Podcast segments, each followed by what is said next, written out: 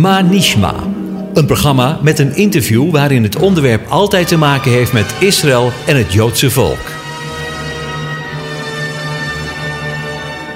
Manishma.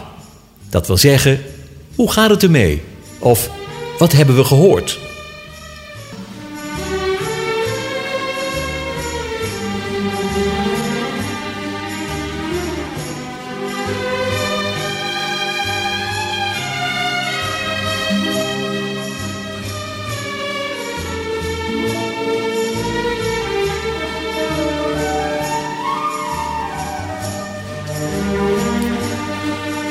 Shalom, luisteraars.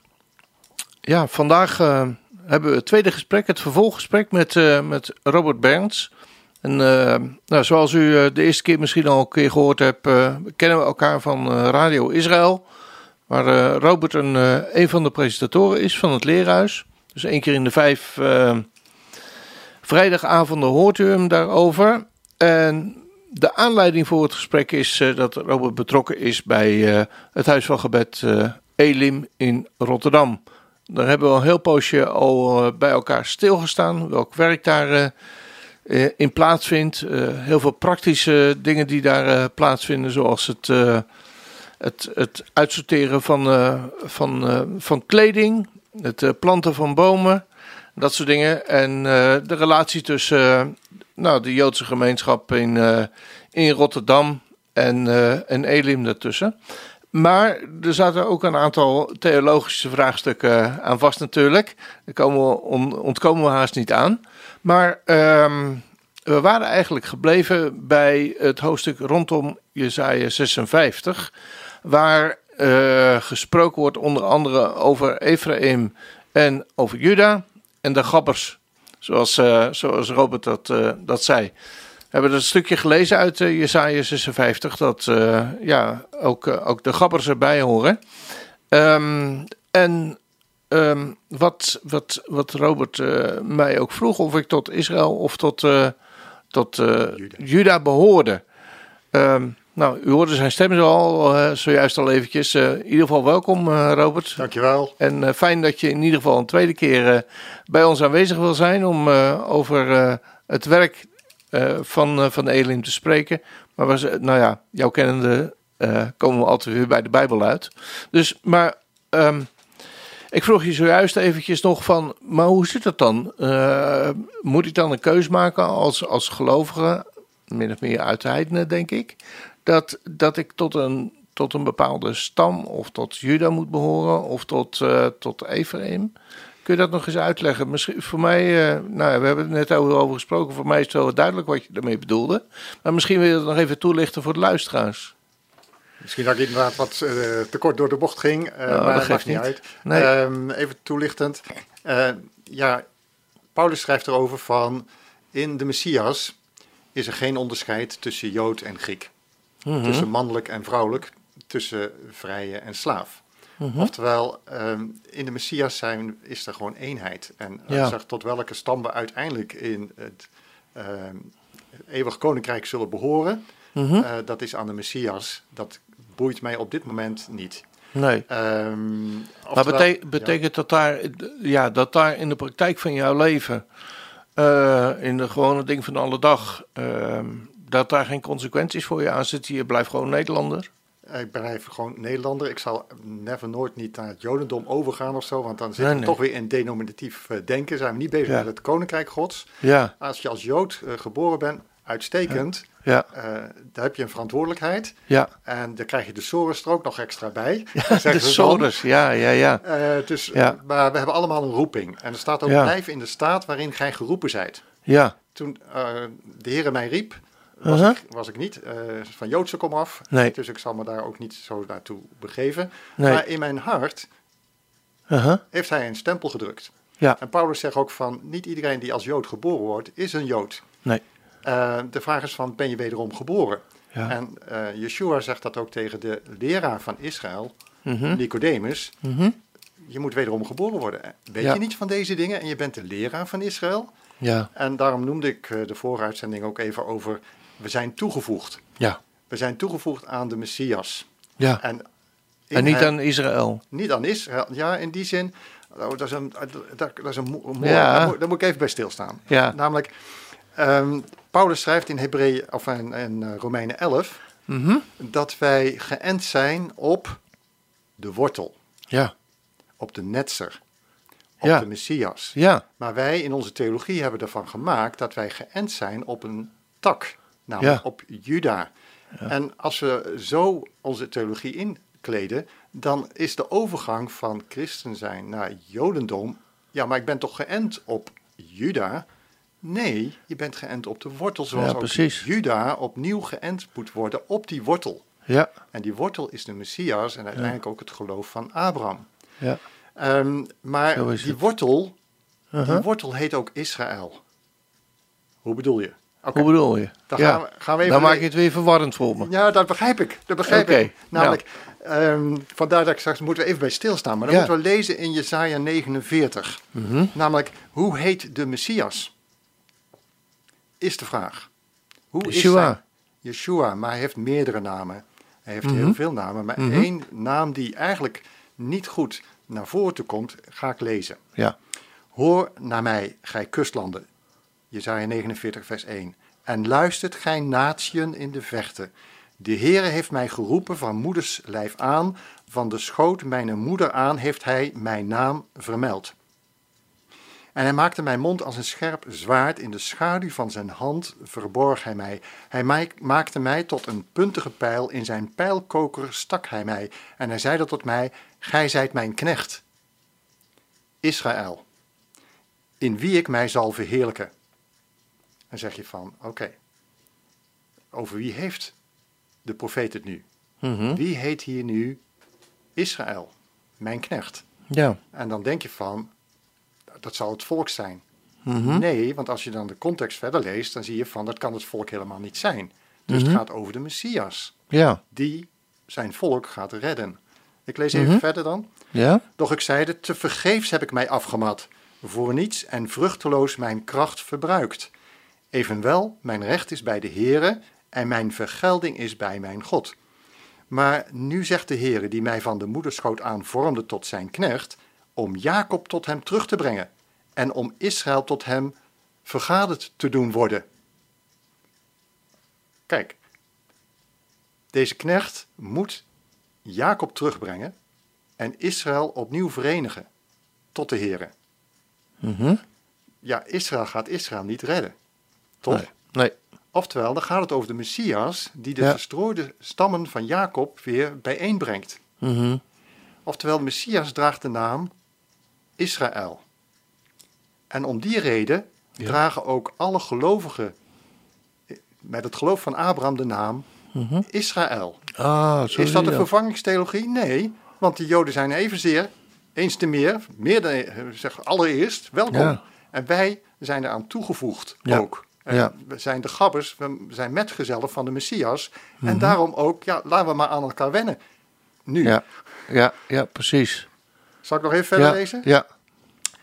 En ik werd geëerd in de ogen des Heren en mijn God was mijn sterkte. Hij zegt dan, het is te gering dat gij mij tot een knecht zoudt zijn om de stammen van Jacob weder op te richten en de bewaarden van Israël terug te brengen. Dus hij zegt van, het, het heil is niet alleen voor de stammen van Jacob, maar mhm. voor de volkeren ook, voor wie dat wil aanvaarden. Want er staat, en de bewaarden van Israël terug te brengen. In het, in het Hebreeuws staat er Be-Israël, oftewel de bewaarden. En er staat ook de naam Netzer, Natsar, de mhm. bewaarden, de Nazareners. Ja. Daar kom je ineens de christenen, de Notsrim, weer tegen. Ja, ja, ja. De bewaarden in Israël. Dat wil niet zeggen in Juda, maar in hem, de Messias, die de naam Israël draagt. Ja, heel veel mensen zien dat niet, hè? Het, het heeft ook een paar jaar geduurd voordat ah. ik daar tegenaan liep. ja. Dat moet je gezegd worden. Ja. En dan moet je zeggen van, ja, maar dan moeten we eventjes zorgvuldig lezen. Ja, en dan lees je tien keer en nog eens keer tien keer. En je denkt, het staat er toch echt? Ja. En, en, dan opeens gaat het licht aan. En dat kwam eigenlijk ook wel als je dus wat Hebreeuws gewoon wat leert lezen. Niet, ik hoef niet mhm. te spreken of zo, maar mhm. als je het Hebreeuws gewoon wat meer kunt bestuderen, dan gaat het Hebreeuws gewoon ook ineens toch. Dan denk je van, hè? Hoe, want je vertaalt, door de vertaling, je, het worden zulke gemeenplaatsen en je leest er overheen, zo van ik begrijp wat er staat. Ja. Is dat zo? Ja. Nee, dus dat, je, je leert zorgvuldig lezen. Ja, het Hebreeuws, als je het Hebreeuws een beetje leert dan, uh, en leert kennen, dan gaat, uh, krijg je eigenlijk een bijbeltje erbij. Hè? Zeker weten, ja. dan krijg je het zoveel meer diepgang. Ik lees het even af, het stuk nog. Mm En de bewaarden van Israël terug te brengen. Ik stel u tot een licht der volken. Mm Opdat mijn heil rijke tot de einde der aarde. Zo zegt de Heere, Israëls verlosser, zijn heilige tot de diep verachte, de bij het volk verafschuwde. Dus Israël verafschuwt zichzelf toch niet? Nee, ze verafschuwden in eerste instantie hun Messias. Ja. Ja. De knecht van heersers. Koningen zullen dit zien en opstaan, vorsten en zich nederbuigen ter wille van de Heere die getrouw is, de heilige Israëls, die u verkoren heeft. En we zijn in hem mede verkoren. Ja. Er is maar, ja, hij is verkoren. Ja. Liefde zo. En wij in hem. En wij in hem. Ja, ja. We zaten hier vanmorgen met elkaar, uh, even tussendoor, zaten hier vanmorgen met elkaar als team uh, te bidden. Ja. En dan kwam Efeze 1 langs. Weet je, in, eh, in het gebed. En uh, dan, dan, dan schrijft Paulus daar dat ja, God ons al van, van voor de grondlegging der wereld gezien heeft, lief gehad heeft. En dat we in Hem zo ongelooflijk rijk zijn. Niet van onszelf, maar dat we alle zegeningen in Hem gekregen hebben. Dat, ja, dat is geweldig. En in het Messias, dat Hij alle dingen zal verenigen, of verenigd heeft. Ja. En dat we met Hem met allerlei geestelijke zegeningen in, gezegend worden in, in de Messias. Ja. Ja. Ja. Misschien nog eventjes door op uh, die naam Israël. Ja. Dat is een boeiende. Ja. Maar namelijk, waar komen die namen als eerste te tegen? Mm -hmm. Als ik dat zou vragen. Nou, bij Jacob. Bij Jacob natuurlijk. Ja. Maar dan is de vraag van, hè, hoe, wat is dan de relatie? Maar mm -hmm. er staat natuurlijk dat Jacob worstelt in feite met de, gezand, de gezondenen mm -hmm. van de heren. Mhm. Wij vertalen dat dan met engel, maar Ja. het is met een hoofdletter. Ja. Maar een engel is een schepsel. Mhm. Maar hier worstelt hij, staat ook natuurlijk, ehm, ik meen in, ehm, even kijken, de profeet Hosea volgens mij, staat dan ook Mhm. dat Jacob worstelde met God. Maar Ja. eh, hier staat het eigenlijk ook in die worsteling, staat er ook van, gij hebt met, mens, met mensen en met God geworsteld. Ja. Dus hij worstelt daar met de gezondenen Ja. van de heren. Ja. En dan zegt hij van, ik laat u niet gaan, Mhm. tenzij gij mij zegent. Ja. Jacob was degene die de hiel vast... Ik laat je niet gaan. Ook zijn Ja, broer liet hij niet gaan. Ik laat je niet Oh, gaan, tenzij je mij zegent. Ja. En ehm, dan zegent, zeg, de gezondene Mhm. hem met de naam Israël. Je zult heten Israël. Later komt hij in Bethel en dan Mhm. zegt God opnieuw tegen hem, je, je naam is Israël. Dus Ja. opnieuw wordt het bevestigd van Gods wegen, Ja. krijg je een nieuwe naam. Mhm. je, je, wordt wederom geboren. Je, je bent een nieuwe schepping. Ja. Ehm, en dan ehm, draagt hij die naam. En dan op een gegeven moment eh, gaat hij natuurlijk naar Egypte enzovoort. Maar hij vraagt op een gegeven moment naar die gezonde van, hoe is uw naam? En zegt hij, wat vraag je me naar mijn naam? Als later ehm, Manoah hij zegt, vraagt naar de gezondene van de Heer, Mhm, van hoe is uw mhm. naam? Dan zegt hij, mijn naam is wonderlijk, wonderbaarlijk. Ja. Ehm, maar Jacob vraagt naar die naam en de, de gezondene wijst hem eigenlijk wat terug. Zo van, denk nou eens na van hoe mijn naam zou zijn. Ja. Maar dan, ehm, kijk, later zegent Jacob zijn kinderen. Daarvoor zegent hij Ephraim en Manasse als zonen van Jozef. Maar dan lezen we in eh, Genesis 48 hoe hij zegt zijn kleinzoons zegent. Dan staat er in vers 14 van hoofdstuk Genesis 48. Toen strekte Israël zijn rechterhand uit en legde die op het hoofd van Ephraim, hoewel hij de jongste was, en zijn linkerhand op het hoofd van Manasse. En hij legde zijn handen kruiselings, ofschoon Manasse de eerstgeborene was. Ja. En hij zegende Jozef en zeide, God, voor wiens aangezicht mijn vaderen Abraham en Isaak gewandeld hebben. God die mij als herder geleid heeft, mijn leven lang tot op deze dag. De gezondene die mij verlost heeft uit alle nood. Zegene deze jongelingen. Dus hij zegt van, hij, zijn, zijn zegen is dat hij de gezondene, eigenlijk de prins voor Gods aangezicht, Mhm. eh, vraagt om zijn kleinzoons te zegenen. De gezondene die mij Ja. verlost heeft uit alle nood, zegenen deze jongelingen, zodat in hen mijn naam, hoe is zijn naam van van Jacob Israël. Dus mijn naam Israël en die van mijn vaderen Abraham en Isaac voortleven en dat zij in menigte mogen toenemen in het land. Dus de bede van Jacob, zijn zegen is van dat zij dezelfde zegen mogen kennen die hij gekend heeft. Namelijk dat hij de wedergeboorte kende en een nieuwe naam mag dragen, namelijk de naam Israël. Ja. En dan is het zo mooi dat er dus, eigenlijk is dat dan een heenwijzing. Uiteindelijk is er één volk in de Messias die de naam Israël draagt, namelijk de bruid van de Messias. En um, zoals Adam. En wie, is dat? Misschien nog één. Als Adam zeg, zijn vrouw een naam geeft, mhm. Adam Ish, dan mhm. geeft hij zijn vrouw de naam Ish-A. Hij geeft mhm. haar dezelfde naam.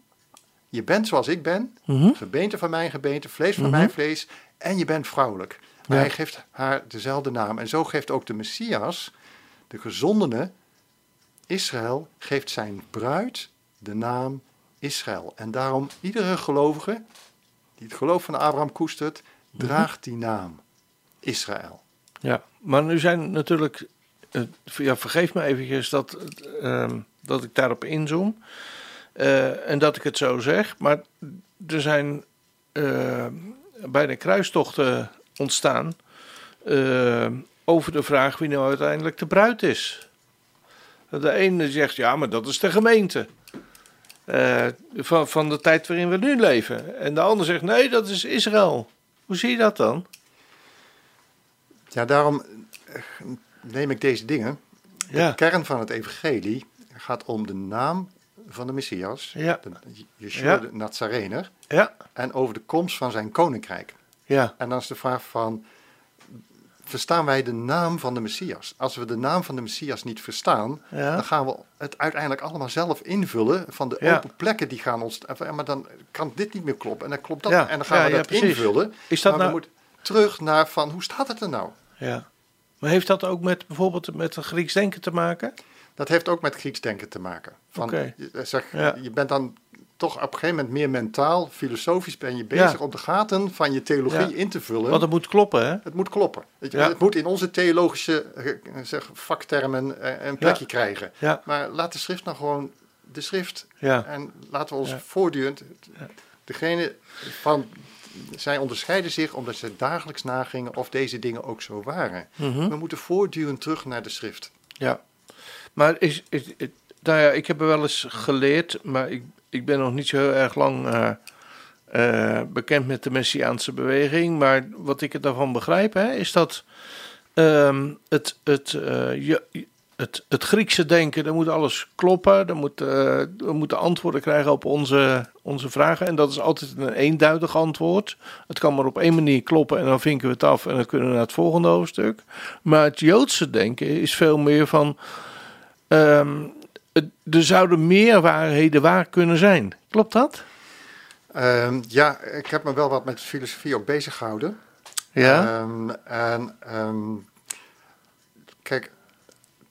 Ehm, met de Franse Revolutie ja? Uh, is in ons denken het, de reden ja. centraal komen te staan, ja. boven ons hart. Ja. Maar Pascal die zei, het hart heeft redenen die het verstand niet kent. Dat is mooi. Namelijk, bewaar uw hart boven al wat te bewaren is, want daaruit zijn de oorsprongen des levens. Mm -hmm. Wij hebben de neiging vanuit onze westerse cultuur te denken dat alles hier vanuit ons hoofd begint. Ja, dus we kunnen nee, dus- redeneren, dan klopt het. Ja, en dat is een, een uitgangspunt, maar het klopt niet. Namelijk, God zegt, het begint in je hart. Ja. En daar begint je denken. En ja. Dus ja, wat dat betreft moet je ook je hart bewaren. En er zijn zoveel waarheden tegenwoordig. Ja. Vooral dat er geen waarheid is. Ja. Dat is dan zeg, een absolute waarheid dat er geen waarheid is. Ja. Uh, maar we zijn een eind van de weg afgedwaald. Ja ja, dus ja. Maar goed, ook als je de Bijbel leest, dan is dat eigenlijk een, ook in het Hebreeuws, een veel meer dichterlijke taal dan de exacte taal die wij hebben. het wordt veel meer in, vind ik dan, in, in beelden gesproken, omdat het in het oosten ook veel meer gebeurt.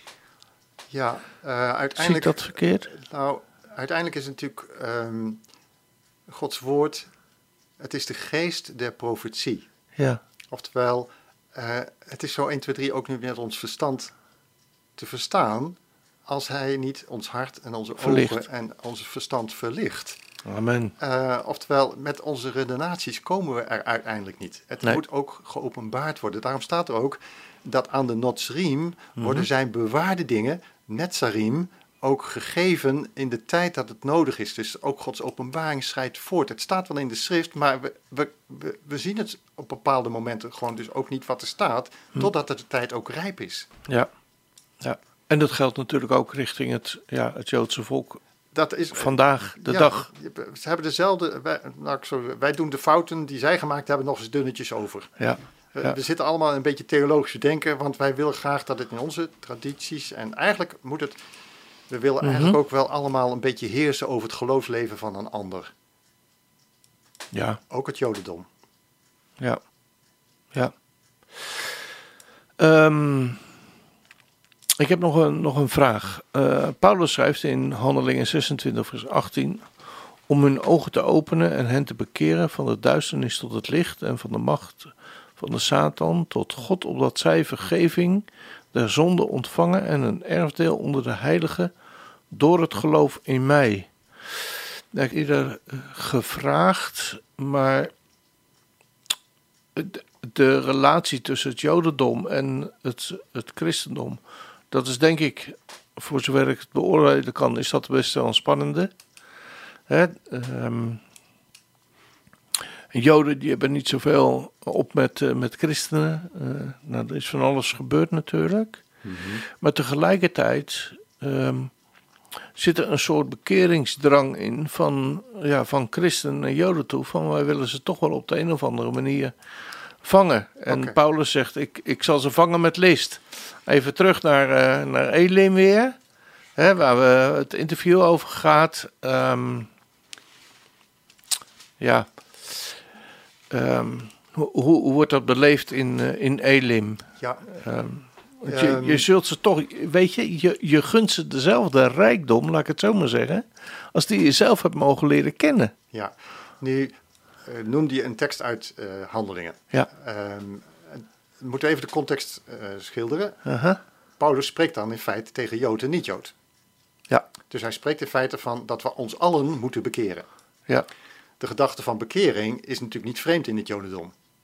Namelijk teshuva, ja. oftewel keer terug. Ja. Uh, en God roept ze een en andermaal en nog vaker terug. Ja, net zoals ons. precies. Ja. We hebben ons allen te bekeren. Uh -huh. Ook in het persoonlijk opzicht hebben we ons nog uh, van dag tot dag ja. van, wacht even, dit is de weg. Ja. Niet naar links, niet naar rechts. Nee, rechtdoor. Recht naar voren trekken. Toch? Oftewel, de oproep tot bekering mm -hmm. is eigenlijk ook een vrij neutrale oproep naar een ieder van keer terug tot de Heere, mm -hmm. uw God. Ja. Um, dus als Paulus hier spreekt over bekering, ja, dan is het van het licht, of van de duisternis naar het licht. Ja. Um, en vervolgens zegt hij ook van, opdat ze vergeving van zonde ontvangen. Nou, ja. dat, is, ook gewoon uit de tenag. Namelijk, ja. je bekeert je, mm -hmm. opdat ik u kan vergeven en opdat ik u kan genezen. Mm -hmm. bedoel, die, die weg is gewoon. Dus, ja. En God is zo van, als je je bekeert, zelfs de vreselijkste misdadigers en zondaars. Als je neemt Manasse, dat Ja. was een gruwel van een vent. Ja. En hij verootmoedigt zich, hij bekeert zich Mhm. en God vergeeft hem. Ja. Daar kun je gewoon niet. Daar kun je gewoon met je. Ja. Daar kun je er gewoon niet bij. Ja. Dat God ons vergeeft. Ja. In de dingen waarvan Mhm. we denken van dat was ook wel hopeloos fout. Hoe heb ik het ooit in mijn hoofd kunnen halen? Ja. Hoe is het in mijn hart kunnen opkomen? Ja. En hij vergeeft. Maar waarom ik die tekst wel belangrijk vind, er staat ook om de vergeving van zonde en een erfdeel der heiligen in het licht te ontvangen. Ja. En dat vergeten we vaak. Mhm. Namelijk, het, we zijn wederom geboren, we hebben vergeving ontvangen van, met het doel dat er een bepaalde een erfdeel naar je toe komt. En Ja. richten we ons daar nu op, op dat koninkrijk dat gaat komen. Mhm. Waarin, waar hij, toe hij ons nu voorbereidt Ja. En klaarmaakt. En Mhm. strek ons daarna uit. Want ook als, zeg, in deze tijd, eh, voorafgaande aan zijn komst, zullen het moeilijke tijden worden. Mhm. En het is zo belangrijk dat je je uitzicht Ja. vasthoudt. Zo van, maar het lijden van deze tijd Mhm. weegt niet op tegen de heerlijkheid die over ons geopenbaard zal worden. Je ja. hebt vanmorgen iets gezegd over Efeze. Ja, ja, maar in Efeze staat natuurlijk ook van... we hebben de Heilige Geest ontvangen als een onderpand van ons erfenis. Oftewel, we zijn daar onvoldoende mee bezig van... wat is nou dat erfdeel. En ik noemde het de vorige keer ook al eventjes. Ik zou nog wel eens met Ishmael Katz, onze rabbijn, over willen hebben. Hij had het ook over, over de Moadim. Zijn eigenlijk een, een voorbereiding ook op zijn, de komst van zijn koninkrijk. Ja. Ehm, en ik denk, we zouden daar samen veel meer mee bezig moeten zijn van, om dat te delen met elkaar. Van. Ja. Hoe ziet dat erfdeel eruit? En uh, de belofte aan Abraham was natuurlijk ook dat hij een erfdeel zou hebben in het land. Uh maar wij in onze theologie hebben dat wel, het erfdeel ook wel nogal hemels gemaakt. Maar hmm. eh, onvoldoende realiseren we ons dat wij ook dus een erfdeel hier op aarde zullen ontvangen. Want de zachtmoedigen, de ootmoedigen, zullen het aardrijk beërven. Ja. En hij is de erfgenaam, mhm. Yeshua, onze mhm. Messias, hij is de erfgenaam van alle dingen. Ja. En hij, zal, hij weet wat ons... Ja, hij geeft ons een naam mhm. en hij zal ons, zoals David zegt, mijn erfdeel viel mij in lieflijke dreven. Oftewel, het past helemaal bij je. Oftewel, er zal shalom zijn. Er, zal, ik bedoel, er is geen naijver meer van dit is wat, je, dit is wat het is. En daarin mogen we de naam van de eeuwige ook verheerlijken. Ja, ja, ja. Hoe duid jij, uh, een heel andere vraag weer. Ja. Maar, uh, maar geef niet her. Nee. Maar hoe duid je dan de tijd waarin wij op dit moment leven? Kan je daar iets over zeggen? De tijd waarin we op dit moment leven. Ja, ehm, we zien van alles rondom Israël gebeuren en in Israël gebeuren. Hè, 1948, nou, dat, we kunnen er alles van vinden. Maar er is een staat Israël gekomen. En uh, bijna dagelijks zien we nu vliegtuigen landen met mensen die Aliyah maken. Ja. Hè? En, en uh, het, het lijkt wel of, um, of Israël klaargemaakt wordt om de Heer te ontmoeten. Het herstel van alle dingen. Ja, want weet je, ook in de tijd waarin wij nu leven met corona en zo en al er gebeuren meer. Ik weet niet hoe je dat moet, allemaal moet duiden, maar nou, de schepping zucht. Ja. Hè, en dat, dat, dat, nou ja, misschien omdat ik wat ouder hoorde ben, als ik aan mijn kleinzoon vraag, dan denkt hij dat het nog wel meevalt. Hè, die is 11 jaar, dus die, die zal er wel ongetwijfeld anders tegenaan kijken. Maar wat de problemen kent deze wereld al niet. En uh, dan zie je toch dat, dat God echt aan het werk is met dat volk Israël. Ja. Um, ik ga eventjes terug naar de woorden van de Messias over de eindtijd. Ja. Enerzijds geeft hij natuurlijk aan dat de barensweeën, de mhm. barensnood. Ja. De barensweeën nemen steeds in heftigheid toe. Dat zie je natuurlijk op allerlei vlakken. Niet alleen vanwege de aardbevingen en zegt, uh, de natuurrampen enzovoort. Maar ook volk zal opstaan tegen uh, volk enzovoort. Mm maar dan zie je van die barensweeën gaan op een gegeven moment over in de verdrukking. Ja. En dan in die verdrukking is er op een gegeven moment naar de profeet Daniel mhm. een gruwel der verwoesting die wordt opgericht. Namelijk de mens die zich zodanig weet te verheffen. Ja. Overigens staat er trouwens ook in Daniel dat het in de hemelse gewesten zo is. Mhm. En daarom wordt het Satan ook uit de hemel ge geknikkerd. Ja. Ehm, maar er is zo'n hoogmoed, mhm. ehm, ook van de mens, dat er een gruwel der verwoesting zal worden opgericht. En vervolgens heb je daarna de grote verdrukking. En dan staat er, als die grote verdrukking, de die dagen niet zouden worden ingekort, ja dan zou er geen vlees behouden worden. Zouden geen gelovigen overblijven. Dus ja. willen van de uitverkorenen zullen die dagen worden ingekort. Namelijk die 3,5 jaar van waar Daniel over spreekt. En dan zegt daarna krijg je dat er ruimte ontstaat voor de wraak van God. Mhm. De dag van zijn toren. Mm.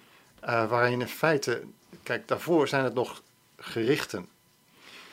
Maar um, crisis in het, in het, in het, in het Grieks oordelen. Ja. Ze, ze brengen datgene wat in de harten is naar boven toe. Mhm. Want wat is dan eigenlijk feitelijk aan de hand? Het laatste Bijbelboek is de Openbaring. De Openbaring mhm. van Yeshua. Ja. En dan staat er eigenlijk: uh, Niemand is waardig om de boekrol met de zeven zegels te openen.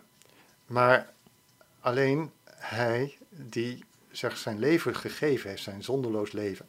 En dan staat er in feite hij heeft het oordeel ehm, tot overwinning gebracht. Mm barmhartigheid roemt tegen het oordeel. Hij heeft mhm. in zijn dood en opstanding heeft hij Gods oordeel weggedragen voor wie het aanvaardt. Ja. Hij alleen is waardig om die zegels te verbreken. Want op het moment dat die zegels verbroken worden, worden de oordelen zeg, gaan um, openbaar worden. Ja. Maar dat zijn oordelen in barmhartigheid. Want er staat nog steeds, er is ruimte tot teshuva, tot mm bekering. Ja. Juist omdat hij het gedra hij heeft het oordeel weggenomen. Dus ook ondanks de gerichten is er altijd van, en dan zegt ook de profeten, nochtans bekeert u. Ja. Ook al zijn die gerichten daar, ja. keer je tot hem. Ja. Versta dat het uiteindelijk een vader is die zijn kinderen tuchtigt. En soms hard moet tuchtigen. Mm Waarom? Omdat hij ze naar huis moet slaan. Ja. ja. Omdat wij zo hardnekkig zijn. Ja. ja. Dus je ziet in feite, in deze tijd zullen die gerichten, de plagen over ons steeds heftiger worden. Ja. Ik zie het dus niet beter worden, ik zie het dus steeds heftiger worden. Ja. En dat is dus gewoon nodig. Hm. Maar er is wel hoop en er is wel, zijn barmhartigheid blijft daar. Ja. Daar gaat een van de liederen uh, zeggen, een stukje muziek straks wel over. Ja, precies. Nou, ik heb, ik heb uh, nog een laatste vraag. En uh, dat is meer uh, richting de toekomst van, van Elim. Hè, de, het kent een rijke geschiedenis van, van, van meer dan 200 jaar. Hè? En ehm, nou, Elim is op dit moment bezig met, met allerlei nou, springleken, moet ik aan zeggen. Hè? er zijn allerlei activiteiten die er plaatsvinden. Maar hoe ziet Elim de toekomst? Hebben jullie erover nagedacht? Vast wel. Uh, Oké, de toekomst van Elim. Um, ja. Nog eventjes stukje, een stukje geschiedenis. Een deel van ons archief hebben we teruggevonden in Christchurch in Jeruzalem. Echt waar? Ja. Namelijk, Geweldig. Uh, zeg het CMJ, de Church Ministry Among the Jews. Uh -huh. uh, daar is Elim dus in feite uit voortgekomen, de London Society. Ja. En ja. het was even verrassend hoe dat bij elkaar kwam. Want ja. de London Society, ja, dat was de vorige naam. Maar op een gegeven moment veranderde dat in de CMJ. Ja. En uh, voordat die link gelegd werd, en toen mm -hmm. bleek daar de foto's en de archief, een stuk van ons archief lag daar. Tjoh, geweldig. Uh, dus dan, dan voel je eens te meer ook verbonden. Ja. En toen zei ook iemand van, uh, het zou goed zijn als jullie ook een heritage center zouden worden. Oftewel, eh, de, de erfenis. Mm -hmm. ja. Dus datgene wat God gewerkt heeft in het verleden, ja. draagt dat gewoon, hij, hij, wat geweest Draagt is, zoekt het uit. Hij, ja, en datgene wat geweest is, zoekt hij weer op. Ja. En, in deze tijd, en op bepaalde wijze hebben we daar dus een bepaalde bediening of een bepaalde ja. taak in. Dus ja. we proberen dat als zoekende vorm te geven. Ja. En als wij ootmoedig met hem wandelen, dan kan hij dat ook gewoon aanreiken. Ja. Um, ja, we zijn dan bezig geweest afgelopen jaar met een aantal tentoonstellingen. Ook ja. een stukje geschiedenis, maar ook de Anne Frankboom uh, vertelde ik wat. Maar we hebben ook een tentoonstelling over uh, een ander dagboek. Uh, niet van Anne Frank, maar van um, Esther, of van, ja, Esther Jacobs. Mm -hmm. uh, die in Beek, Nijmegen ondergedoken is geweest met haar familie. Met, mm -hmm. En haar zus is, heeft vervolgens na de oorlog ook Alia gemaakt. Ja, en na ja. 50 jaar heeft zij het dagboek van Edith uitgegeven. Edith is net voor de bevrijding zeg, toen overleden, omdat zij door een granaatscherf getroffen werd bij een Rode Kruispost waar ze de soldaten wat aan het oplappen. Oh. Maar zij heeft het toen niet gered. Dus ja. daar hebben we zeg, een tentoonstelling zeg, over, zowel over Alia ja. maken als over ja. het onderduiken. Ja. Um, en we hebben natuurlijk ook, zeg, omdat het vorig jaar 75 jaar bevrijding was, mm -hmm. hebben we ook stilstaan bij um, zeg, dominee Rottenberg, mm -hmm. uh, als zeg, Messias beleidende Jood, die Ja. in Mauthausen in 1942 is vermoord. Mhm. omdat hij in feite in de jaren daarvoor, eigenlijk al in de jaren 30 van de vorige eeuw, waarschuwde voor het opkomende nazisme. Ja. En tegen het, uh, toen noemden ze het nog semitisme, wat wij nu antisemitisme noemen. Um, en ook in de oorlog bleef hij prediken tegen het nazisme. Ja. En uh, daar waren ze natuurlijk niet van gediend, maar hij kwam op voor zijn volk. Hm. En uh, vervolgens ging hij, werd hij gevangen gezet in Amersfoort en het Oranje Hotel en uiteindelijk in, in Mauthausen vermoord. Waarom kwamen we daarop? Omdat op het Noordereiland worden 35, zijn 35 stolpersteinen vorig jaar neergelegd. Mm En toen dachten we van ja, dat is, hij heeft daar gewoond en gewerkt, maar op het moment dat hij overleed woonde hij in Den Haag, dus hij kreeg geen stolperstein. Ja. Uh, maar de organisatie vond het wel terecht ook dat we aan hem aandacht schonken, omdat er zo'n rijke geschiedenis is. Ja. Dus toen hebben we zeg, ook een tentoonstelling rondom zijn uh, zeg, uh, leven en werk, want hij heeft tientallen boeken geschreven. Mhm. Juist ook in het gesprek met zeg, de Joden mhm. ehm, had hij wel wat te vertellen. Ja. dus ja, hoe gaan wij verder? Um, ja, we hebben wel zoiets van, in deze, deze tijd vraagt het gewoon dat we wakker zijn. Dat we als wachters in feite observeren van wat is er gaande. En kunnen wij, zeggen wachters keken uit van wat staat er te komen. Mm -hmm. um, dus het afgelopen jaar hebben we met name bijvoorbeeld stilstaan bij Habakkuk, het boek Habakkuk. En dan zegt Habakkuk ook van, ik stelde mij op mijn wachttoren om uit te zien wat de Heere in mij zou antwoorden. Ja. Anna, verootmoediger, dat is een, een, een, een eh, samenspraak. Mhm. Ehm, en dan ziet hij, en dan ziet hij van een boel ellende op hem afkomen.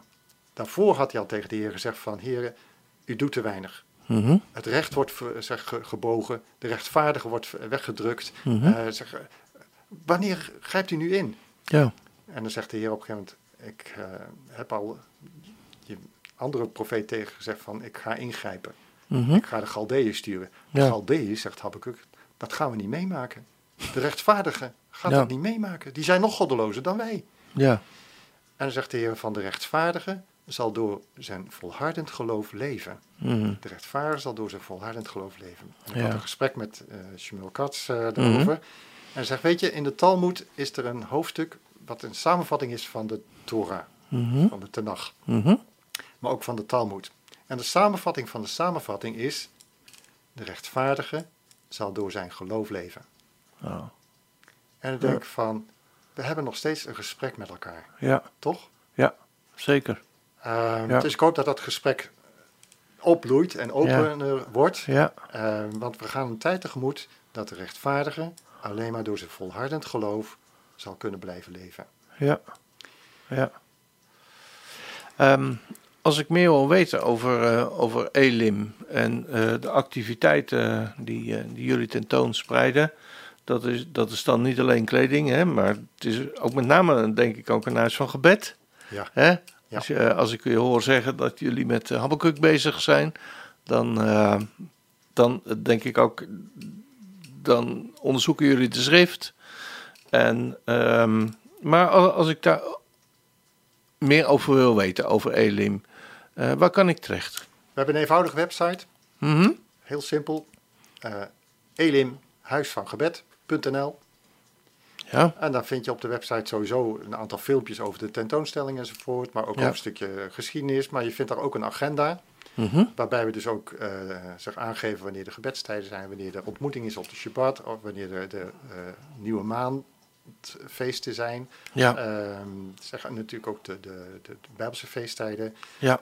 Um, als er extra activiteiten zijn. Uh, oftewel, je vindt gewoon in de agenda en in de, ja, vind je gewoon voldoende aanknopingspunten om uh, te reageren, uh, aan te sluiten. zijn okay. zeg, studies. Ja. Komende, ja, komende week hebben we natuurlijk uh, Purimfeest. Althans, ja. als deze uitzending wordt uitgezonden, zal het wat daarna zijn. Ja, dat klopt. Maar Purim. Purim staat natuurlijk ook dat vele uit de volken zich voegden bij de Joden. Ja. Omdat zij merkten van, hé, hey, de God van Israël is toch iets groter dan zeg, de wraak van Amalek.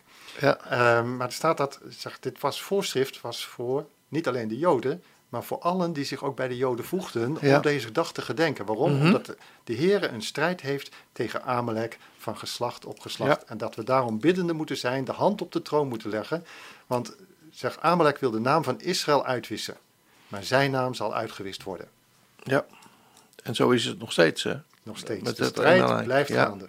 Ja, klopt. Ik heb nog één vraag. En uh, misschien, uh, hij valt buiten, een beetje buiten, buiten het programma van uh, wat we nu met de laatste paar minuten proberen af te sluiten. Maar er is nog één vraag blijven hangen bij mij. en dat is de volgende. En dat heeft ook geschiedenis te maken met de geschiedenis van, van Elim, wat als een soort oase was voor de mensen die vluchten. Hè, naar, naar een betere toekomst.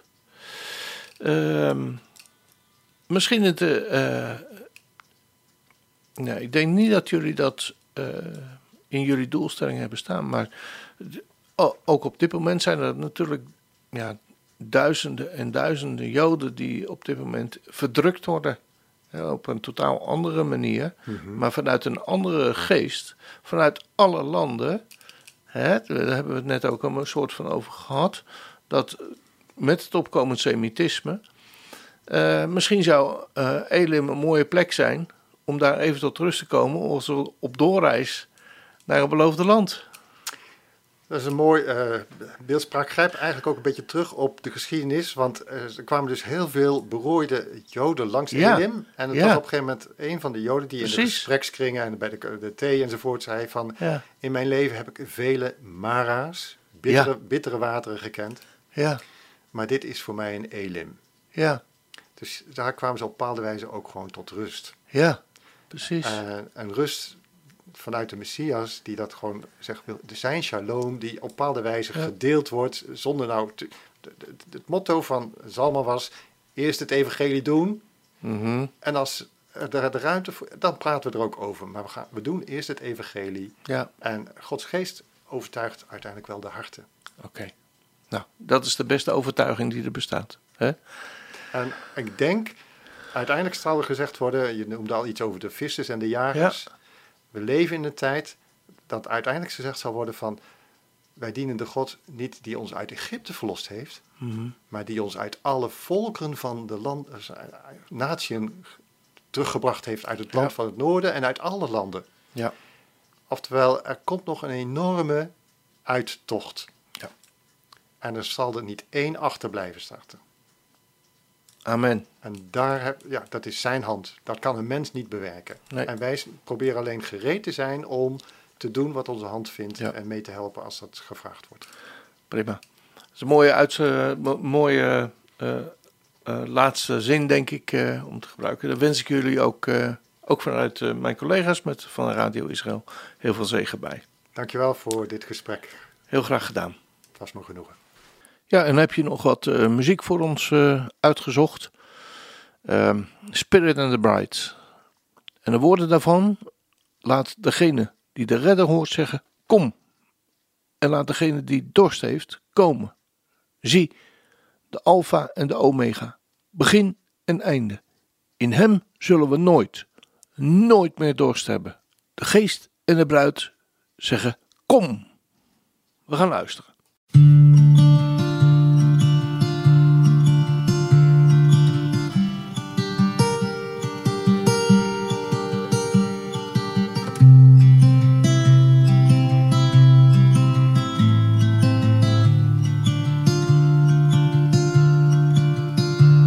Let the one who hears the Savior say, Come.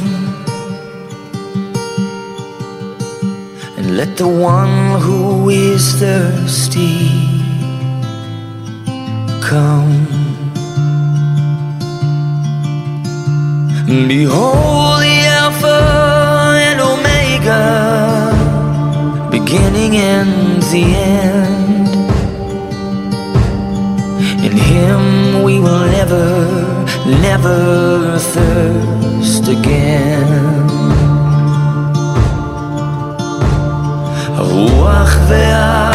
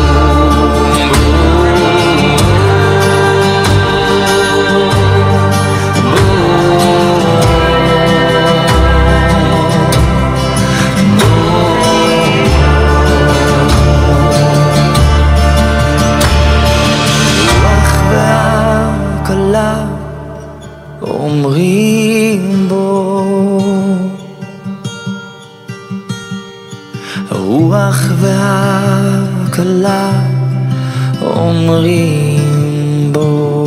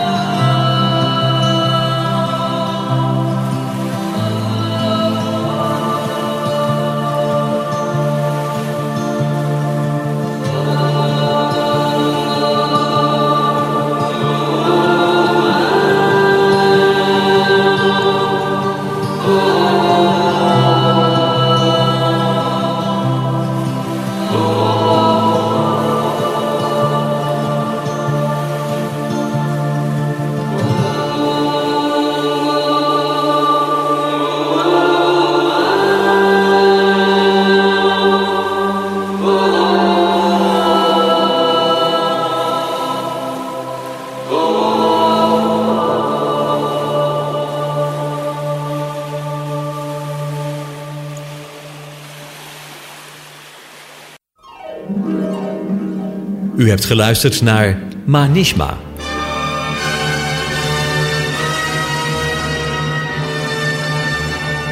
Een programma met een interview waarin het onderwerp altijd te maken heeft met Israël en het Joodse volk. Presentatie Jack van der Tang. Wilt u het programma nog eens naluisteren? Dan kan dat. Ga naar radioisrael.nl en klik onder het kopje radio op Uitzending gemist.